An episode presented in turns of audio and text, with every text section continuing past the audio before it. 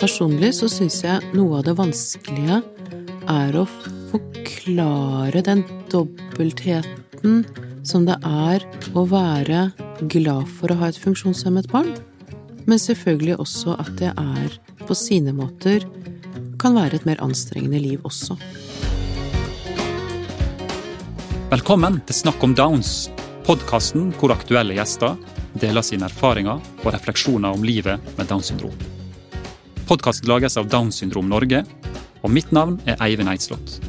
Jeg har sjøl ei datter med et ekstra kromosom. Hun heter Marikken og ble født i 2004. I denne miniserien på flere episoder så skal jeg møte foreldre til barn og unge med Downs syndrom, samt fagpersoner som jobber med Downs, for å snakke om nyfødtfasen og de første åra. Vi håper at disse samtalene vil være til hjelp for både foreldre, familie, venner, pårørende, fagpersoner og andre som er interessert i Downs syndrom. I denne episoden så møter vi psykologen Marie Håvik. Sønnen hennes, Einar, er 16 år og har Downs syndrom. Samtalen med Marie er delt i to deler. I denne andre delen snakker vi med psykologen Marie og hennes faglige tanker og refleksjoner om det å få et såkalt annerledes barn. Velkommen tilbake til podkasten Snakk om Downs, Marie. Tusen takk.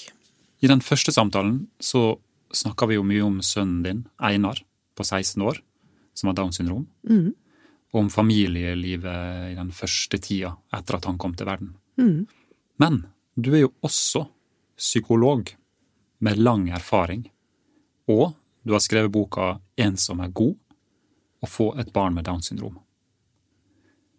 Og I ditt første kapittelet, eller i ett av de første, så skriver du en del om reaksjonene og tankene som kan være normale når du får vite at du har fått et annet barn enn du kanskje trodde du skulle få. Mm. Så jeg tenkte at vi skulle ta et dypdykk i nå. Ja. Hva er det slags um, reaksjonsmønster, eller hva er det som skjer oppi hodet vårt når det kommer inn en lege og sier at det er en mistanke om at et foster eller en baby har Downs syndrom? Jeg tror det som skjer, avhenger litt av hvilken erfaring man har fra før med Downs syndrom. Om man kjenner noen som har eh, det, så tror jeg kanskje ikke man blir så redd eller lei seg som mange som ikke har den erfaringen, blir. Nei. Jeg tror at da kan man kanskje bli forskrekket eller overrasket eller bekymret, men jeg syns jeg virker som det er, jeg synes det virker som det er forskjell på dem som absolutt ikke kjenner noe til dans på forhånd, eller som har kanskje noen negative erfaringer, og de som har erfaring. De som ikke har noen erfaringer eller negative erfaringer, virker som om de blir mye mer preget av sterke negative følelser, mm. tenker jeg. Mm. Og at de blir vanlige reaksjoner da, det er jo at man blir veldig lei seg, kan føle på en sorg. Mm. Og det kan være en sorg over det barnet som man eh, ikke fikk, som man hadde gått og ønsket seg og drømt om i disse ni månedene. Men det kan også være en sorg eh, litt sånn eh, fremtidsrettet, at man kan tenke at eh, nå er livet mitt ødelagt. Nå kommer jeg aldri til å få gjøre de tingene jeg vil. Nå kommer det til å bli ensomt og trist og slitsomt resten av livet. Mm. Og man kan jo bli ganske sint. Ehm, jeg har truffet folk som har blitt sinna på helsevesenet, for eksempel, som ikke har avdekket tidligere at fosteret hadde downs. Ja. Eh, eller at man kan bli sint på skjebnen, som man føler har gitt en noen skikkelig dårlige kort. Um, man kan også merke at man kan bli sinna på omgivelsene rundt, for eksempel, og være Mm. veldig nærtagende og synes at det var en skikkelig dum ting å si, eller gud, så en håpløs sykepleier, eller den legen var jo helt idiot, altså at man tar det ut, Mm. det som er rundt Mm. der og da. Og så er det veldig vanlig å bli veldig redd, ja. apropos å føle sorg, å bli redd for hva som skal skje. En redsel for framtida. Ja. Og ofte alt det her eh, nesten samtidig òg. Ja, Nesten samtidig også. Det var i hvert fall min personlige erfaring. At det, mm. det var egentlig alt det du fortalte nå. Ja. og, og mer til. ja, og mer til. Det er jo Ja, men det er Jeg tror det er en veldig vanlig erfaring. Og at man kan Jo, det er flere følelser, ikke sant. Man kan jo føle skyldfølelse, nesten. Mm. For at man har eh, satt dette barnet til verden, men også for at man har de følelsene og tankene man har. Mm. Og man kan føle skam, Mm. rett og slett. Skamme seg over det. Og straffe seg sjøl Ja. fordi man nettopp tenkte og følte det man gjorde. Ja, absolutt. Og da blir man jo gående i en sånn dårlig sirkel, Mm. rett og slett, ved at man bebreider seg selv å ha følelser som man ikke kan noe for. Mm. Man bare har de. Og de må nesten bare få være der, som jeg snakket om sist også, til de går over. Ja. Og hvis man klarer å gi seg selv lov til det, og minne seg selv på at følelser ikke er farlige, de bare kommer og går som de vil, man kan ikke styre dem. Nei. Det beste måten å styre eller håndtere følelser på, det er å bare la dem være i fred, Mm. rett og slett. Og så går de over. Og så er det kanskje også et godt råd, tror jeg, at hvis man da er med et lite barn som vekker alle disse følelsene igjen, så er det lurt å snakke med andre foreldre, Mm. hvis man har sjansen til det. Få andre som har vært i samme situasjon, eller er i samme situasjon. Og så syns jeg personlig at det beste jeg gjorde i den situasjonen, det var å være sammen med barnet. Ja. Og bare være med det. Mm. Kose med det, leke med det. Sitte og beundre det, sånn som man ofte gjør Ja, ja. med sitt nydelige lille barn. Og kjenne på Kjenne. kjærligheten. Ja, kjenne på den. La de følelsene også få bare være der og slippe til. Og så er det jo ikke sånn, og det er det jo ikke med, holdt på å si, eh, hermetegn normale barn heller, at man automatisk elsker dem. Men det å sitte der og bare bli kjent med dem, Mm. få lov å liksom bare være i nærheten og bare skjønne rytmen deres, skjønne hvordan de er, det, det, det, det er jo grobunn for gode følelser. Mm. Og det er så deilig å kjenne de følelsene også. Mm. Og så kan det jo være at etter fem minutter da, så sitter man og hulker fordi man er redd igjen eller lei seg. Ja. Men, og det er, som vi snakket om, det er jo en sånn emosjonell berg-og-dal-bane, dette her. At man går ut og inn av det. Men kanskje man bare skal gjøre det, da. Mm. Den første tida. Jeg husker at jeg tenkte at det var unormalt av meg, ikke sant? Ja. Og det tror jeg mange tenker. Ja. At nå, nå oppfører jeg meg unormalt, eller nå tenker eller føler jeg unormalt. ja, i forhold til hvordan du ellers pleide å være. Mm. Ja. At nå er jeg ikke helt meg selv, liksom. Ja, og at Ja. det, alle de tankene og følelsene som kommer nå, det kan umulig være normalt. Ah, ja, at du tenkte at det jeg føler nå, sånn ville ikke andre ha følt i min Mm. situasjon. Mm. Ah, En slags sjølbebreidelse på det også, ikke sant? Ja, ja, det skjønner jeg egentlig. Andre ville sikkert ha takla dette annerledes. Det er jeg som er unormal. Takla det bedre, stått i det Ja, disse sant. første timene eller dagene. Tatt det med på strak arm, som jeg husker at jeg Mm. tenkte som en setning, da. Jeg kan bare si at ut fra min egen erfaring, og ut fra dem jeg har snakket med, og ut fra det jeg har lest av andre foreldres erfaringer, så er det jo helt normalt Mm. å reagere sånn som du og jeg gjorde. Ja. At det er det som er normalen. ja. Og det er det jeg skjønte litt for seint. Ja, ikke sant. Ja. Men, eh, men det er jo det vi må si til alle som nå kanskje sitter i en sånn situasjon, eller som kjenner noen som står i en sånn situasjon, Mm. at det er normalt å ha veldig mange ulike følelser og mange ulike tanker Mhm. på nøyaktig samme tid. Ja. Det er helt normalt, og det er normale reaksjoner på en unormal situasjon, Mm. tenker jeg. Ja. Jeg tror det er kjempeviktig. Ja. Jeg ville blitt veldig glad hvis noen sa det til meg. da. Jeg måtte liksom tenke meg frem til det selv. ja, ja, ja. Det, Og hvordan var det å være eh, mor til et nyfødt barn med Downs syndrom, og i teorien være en fagperson? En psykolog? For å være helt ærlig så hjalp det å være psykolog. Ja. Det gjorde det. Så du vil anbefale den utdanninga til alle? Jeg tror det er best at alle utdanner seg til psykologer ved en gang de får et barn med Downs. Nei da. Nei, altså, jeg, jeg skal ikke si Jeg tror ikke Jeg syns det er mange ganger det ikke har hjulpet å være psykolog, for å si det sånn. Og man blir jo like overveldet av følelsene eh, man får. Men jeg tror det jeg syns hjalp, det var jo det at jeg kunne bruke det som jeg eh, hadde sittet og sagt til pasientene mine, kunne jeg bruke ut på meg selv. Ja.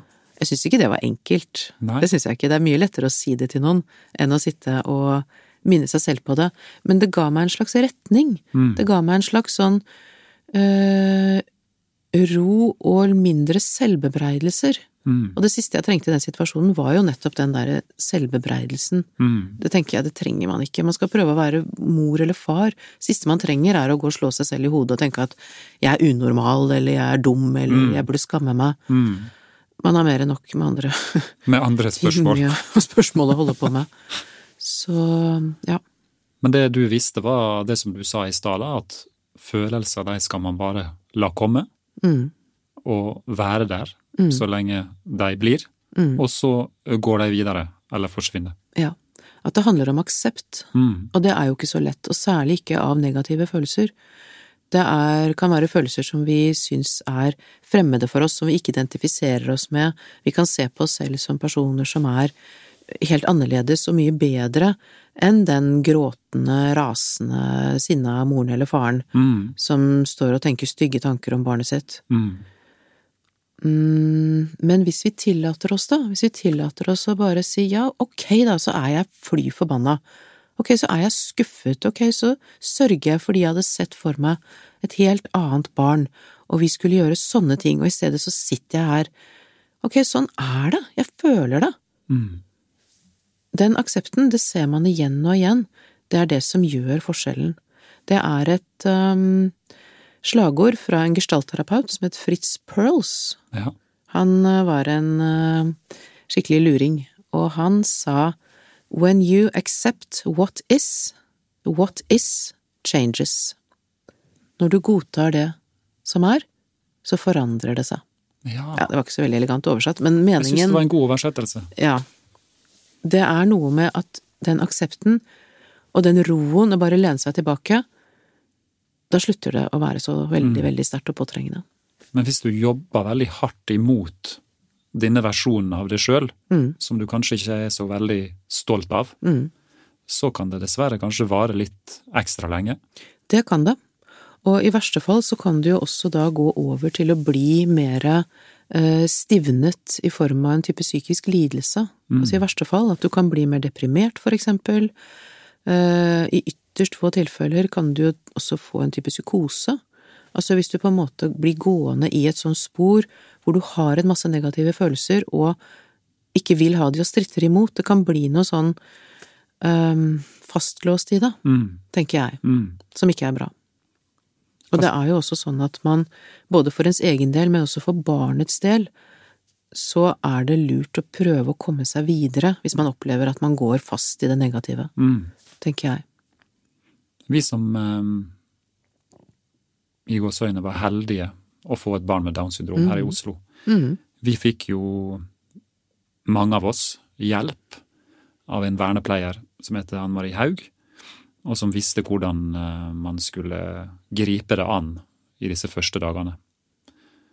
Hva tenker du om, om på en måte helsevesenet generelt sitt møte med, med nybakte Downs-foreldre? Får man på en måte de mentale råda og tipsa som du snakker om nå? For det er jo ingen av oss som får snakke med en psykolog, og det er jo ingen av oss som kanskje egentlig får bevilga en time med en som tenker på det kognitive og, og psykologiske dramaet som utspiller seg, da. Det er ofte mye mer snakk om det medisinske, og det at det er kanskje statistisk større sjanse for at ditt barn med Downs syndrom vil få det og det tilleggsproblemet i løpet av livet sitt. Som igjen, for min del i hvert fall, var med på å bare egentlig gjøre meg enda mer bekymra. Å, det er eh, mye å si om dette. Ja, fyr løs! ja, det var det.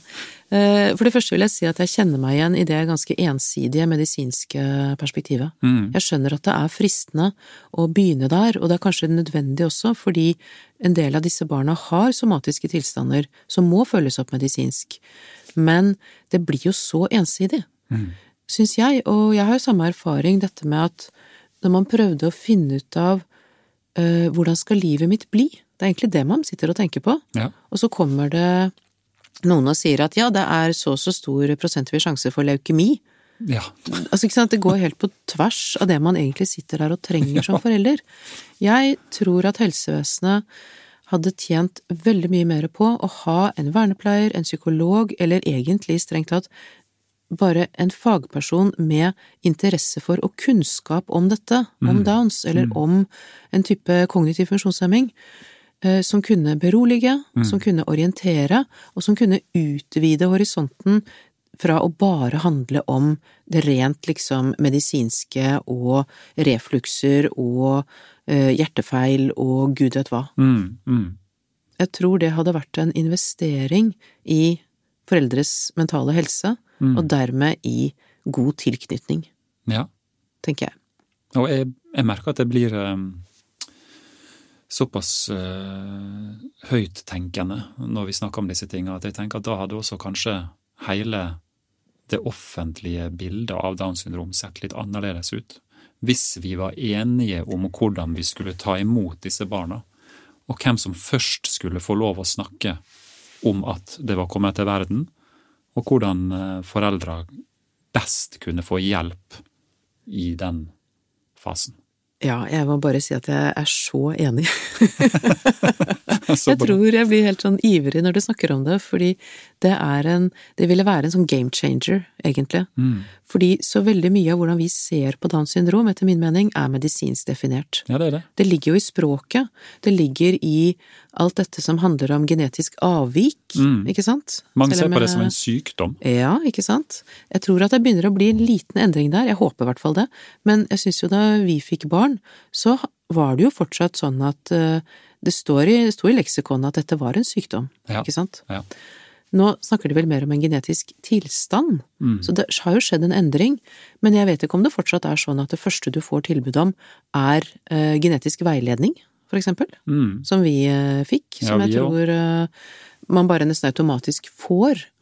Og bare i det så ligger det jo en forutsetning om at dette her, nå var dere uheldige, Mm. men nå skal vi hjelpe dere neste gang. Ja, nå var dere uheldige, og nå skal vi sjekke om det er muligheter eller statistiske farer for Mm. at dere får enda et barn som er annerledes. Det er akkurat det. Og så må du opp i en litt sånn skummel etasje som heter Genetisk institutt. Ja. ja. Det var, eh, det var Jeg husker Å gud, kan jeg lese litt, eller? Ja, gjerne! Les litt fra den fine boka di. Takk. Jeg bare kom på det når du sa det, fordi Ja, for dette er nemlig til akkurat det vi snakker om nå, syns jeg. Bra. Eh, Einar er fire måneder gammel, og Pål og jeg har fått innkalling til genetisk veiledning på sykehuset. Som ferske foreldre til et barn med Downs syndrom stiller vi ikke spørsmål ved noen av innkallingene vi får til ulike instanser, vi møter bare opp til alt. Når vi tropper opp på sykehuset med Einar, vet vi egentlig ikke hva genetisk veiledning innebærer. Vi blir først møtt av en alvorlig mannlig lege, han tegner kromosomer og gener på et ark, og forklarer om mosaikk, translokasjon og trisomi 21. Så kommer en hyggelig kvinnelig lege, og jeg forteller henne at ingen av ultralydtestene jeg tok viste noe tegn på Downs syndrom. Hun ser på meg og sier, han gikk under radaren. Og så råder hun oss til å komme tidlig i gang med avlastning. Men jeg blir sittende og tenke på det hun sa, for nå blir jeg imponert over Einar. I mitt hode jeg denne radaren som en limbostang som han har klart å åle seg under. Så godt gjort av ham! Jeg kjenner meg også takknemlig over at Einar greide det. For nå, når Einar er født, vil jeg helst ikke tenke på hva vi hadde valgt i svangerskapet om vi hadde fått vite at han hadde Downs syndrom. Mm. Det er så Det er så sterkt, det du skriver der, fordi det handler jo om liv og død. Ja. Um, og det vi nettopp var inne på, hvordan man i litt for stor grad kanskje fokuserer på medisinske tilstander, det er jo ikke minst krevende for de som får vite at de kanskje har en mistanke om at fosteret har Downs syndrom, og som må ta en eh, avgjørelse kanskje Mm. der og da, eller innen et par ukers tid, Ja. om de vil bære det barnet fram eller ei. Det er akkurat det. Og jeg får litt sånn, jeg kjenner når vi snakker om det, så blir jeg også litt sånn ja, Det er veldig sterkt. Jeg Mm. lurer på om det er så sterkt for oss fordi vi nettopp har levende, voksne, store, glade barn med Downs syndrom, Mm. så er den tanken på å skulle ta et sånt valg, den er så alvorlig. Ja. Og så tenker jeg at det er helt riktig det du sier med at det skulle vært en annen inngang til dette også, at det må være en annen type måte å se dette på som kanskje ikke hadde gjort dette så svært og så farlig og så truende Mm. at når det blir en litt sånn medisinsk slagside, kan man kanskje si, så mister du så mange andre dimensjoner av dette. Mm. Det var en undersøkelse som ble gjort i Storbritannia, der medlemmer av komiteer for medisinsk forskningsetikk de ble bedt om å svare på spørsmål om screening av ulike tilstander i graviditeten. Mm. Og disse tilstandene var ikke navngitt, men de var bare beskrevet. Ikke sant, sånn type anså man det viktig å skrine for rødt hår og fregner? Nei, det var det ingen som gjorde, alle regnet med at det måtte gå greit. Burde man skrine for en tilstand som kunne redusere livet med ti år? Det var en beskrivelse av diabetes, Å ja. Ikke sant, for det kan redusere livet med ti år, trenger ikke å gjøre det. Men når du tok bort betegnelsen og bare beskrev det, Mm. så ble det ganske annerledes. Burde man for eksempel skrine for en tilstand som kunne redusere livslengden med så mye som 50 år? Det er en beskrivelse av cystisk fibrose. Ikke sant, i verste fall så kan det virkelig dramatisk redusere lengden på livet ditt. Det var mange sånne beskrivelser, og på spørsmålet om man burde skrine for alvorlige lærevansker, mulig hjertefeil og noe reduksjon i forventet levealder, så svarte de fleste nei, de syntes det var uetisk. Dette er en beskrivelse av Downs syndrom. Mm. Nettopp. Og da gikk ikke beskrivelsen nærmere inn i hva som kan ligge i dette begrepet alvorlige lærevansker, og de tok ikke med eventuelle tilleggsproblemer som også kan følge med dette syndromet, men det var kanskje nettopp fordi de trenger ikke å gjøre det, altså det er ikke automatikk i at disse tilstandene følger. Nei. Så det lot til å være litt sånn uforståelig og uetisk for disse komitémedlemmene, hvorfor skal man skrine for dette? Og det kan jeg egentlig slutte meg litt til. Mm. Hvorfor er det man skal skrine for Downs syndrom? Mm. Og det er jo et spørsmål som du sier, ikke minst vi som da har barn og voksne med Downs syndrom, Ja. Undrer oss over. Men som igjen gjør oss eh, 100 inhabile i Ja. enhver abortdebatt. Det er akkurat det. Og som gjør at mange av oss nesten holder oss unna fordi vi vet at det er så personlig for oss. Det er akkurat det. Og så er det så vanskelig å mene bare én ting, Mm. hvis du skjønner hva jeg mener. Jeg er for fri abort. Jeg tenker at det, det, sånn må det være. Mm. Men jeg blir samtidig øh, lei meg og litt forskrekket ved tanken på en sånn abort av et foster av Downs syndrom, samtidig som jeg respekterer så innmari at folk velger det. Mm. Det er jo helt øh, Det er veldig vanskelig, akkurat som du sier. Ja, det er det. veldig, vi er inhabile. Ja. Det er veldig vanskelig å mene noe bastant for Mm. eller mot, eller ja eller nei. Jeg tror det jeg blir opptatt av, er rett og slett å tenke mer på hvorfor vi blir så redde. Mm. Og det er der jeg føler at vi kan bidra, vi som har fått et barn med Downs. Mm. Ikke ved å fortelle en usminka sannhet, og heller ikke ved å romantisere for mye, men på en eller annen måte prøve å fortelle en litt sånn nøytral historie om at ja, det har vært noen utfordringer, men det har også vært veldig mye fint. Mm. Og til syvende og sist så blir det kanskje en oppsummering som gjelder veldig mange andre barn òg. Ja, det tror jeg du har rett i. Det er jo en sånn øh, beskrivelse av egentlig nesten alles liv, Mm. på en måte. Og så tenker jeg at det, det er en liten tristhet over det at vi nå har kommet så langt i det å ta imot barn med Downs syndrom og gi dem en god start på livet og mange fine verktøy, slik at de skal kunne leve eh, stort sett selvstendige liv. Um, det har vi blitt bedre og bedre og bedre på. Samtidig så har det blitt enklere og enklere og enklere å skrine, og kanskje også fjerne mennesker med Downs syndrom. Mm. Og den debatten står vi jo her i nå. i Norge, og vi skjeler til Island, og vi skjeler til Danmark, og vi ser hva som skjer. Men det er vanskelig å delta i det offentlige ordskiftet for oss som har barn med Downs. Mm. Og Er det fordi vi står for nært? Og er det fordi vi frykter at vi ikke vil bli hørt fordi vi er så inhabile? Det kan man eh, lure på, om det er det det handler om.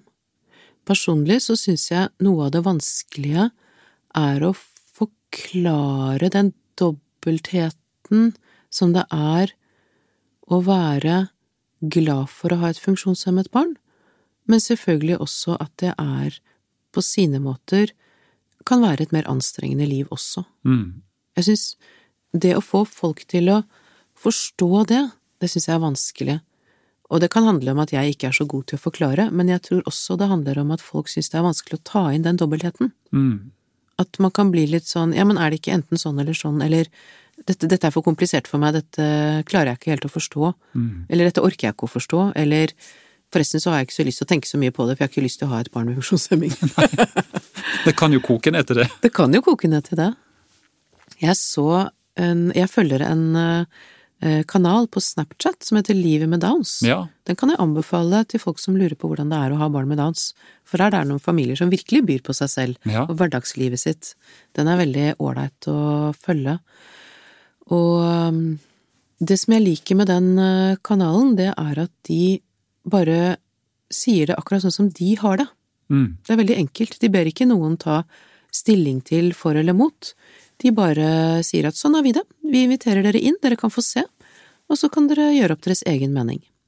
Men det var en gjest der, en mamma til barn med dans, som turte å spørre de som følger denne kanalen, om de ville ha tatt abort eller ikke, hvis de fikk vite at de fikk et barn med dans. Og hun sa at bare si det akkurat som dere er. Eh, dere er anonyme, jeg er bare nysgjerrig, for jeg lurer på det. Og det var ganske interessant å lese noen av de svarene. Mm. For noen av de svarene var sånn at ja, jeg har alltid tenkt at jeg ville ta abort, men etter å ha fulgt dere, så vet jeg ikke lenger. Mens andre sa jeg har nettopp fulgt noen familier, eh, jeg vet eh, hvordan de har hatt det, jeg vet hvor slitsomt det har vært, jeg orker ikke å ha barn som det er så mye med, så mye jobb med. Jeg tror ikke jeg klarer det. Jeg beundrer de som gjør det, jeg får det ikke til. Det var veldig sånn usminket, veldig ufiltrert. Mm. Og det tenker jeg det kan jeg virkelig respektere. Mm. Apropos dette her med at vi er inhabile. Ja. Det, um, folk kan være i så mange livssituasjoner, ha så mange grunner, og ikke minst så kan de kjenne noen med Downs som har hatt mye tilleggsproblematikk, for eksempel, hvor de ser at det har vært mye mer jobb, Mm. og hvor kanskje de foreldrene, den familien, ikke har fått den hjelpen de trenger. Mm. Da skjønner jeg at man kan bli vegre seg for det. Det kan være så mange grunner til at man ikke tenker at man orker dette. Absolutt. Og det må vi ha respekt for. Mm. Syns det var godt sagt. Det er jo veldig mange rundt oss som snakker om og forsøker så godt de kan å lære barna våre med Downs syndrom både det ene og det andre.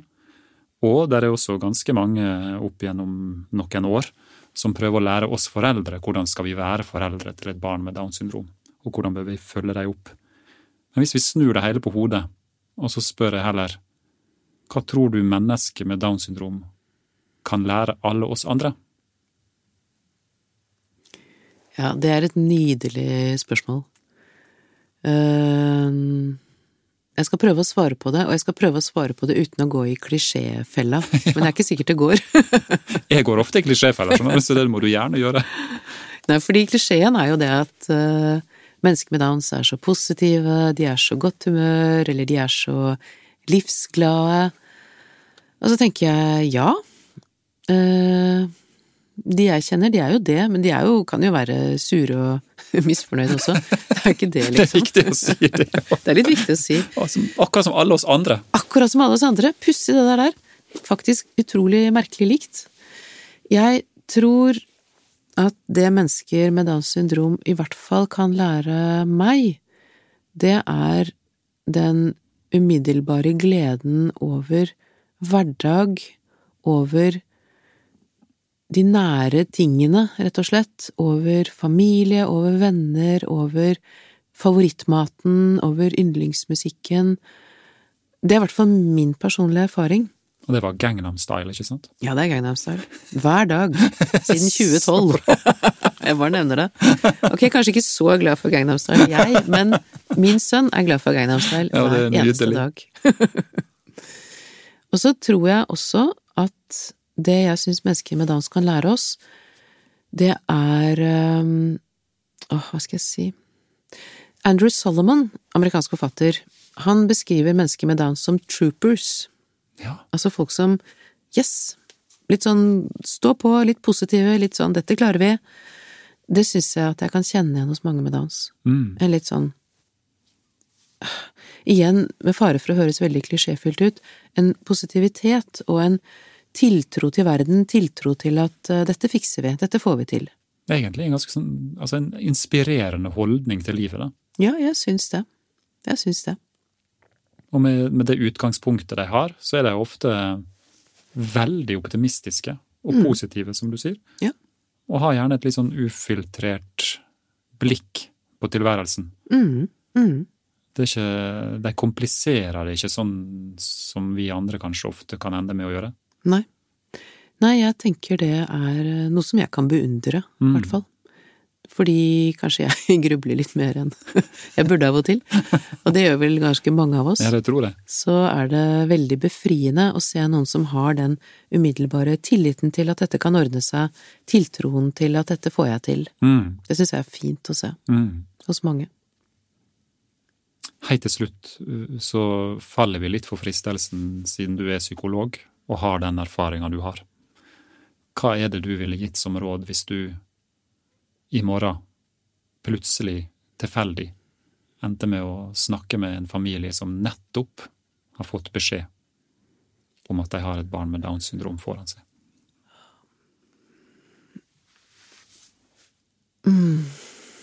Ja. Jeg får litt sånn ærefrykt når vi snakker om det. Ja, det skjønner jeg godt. Det Jeg tror at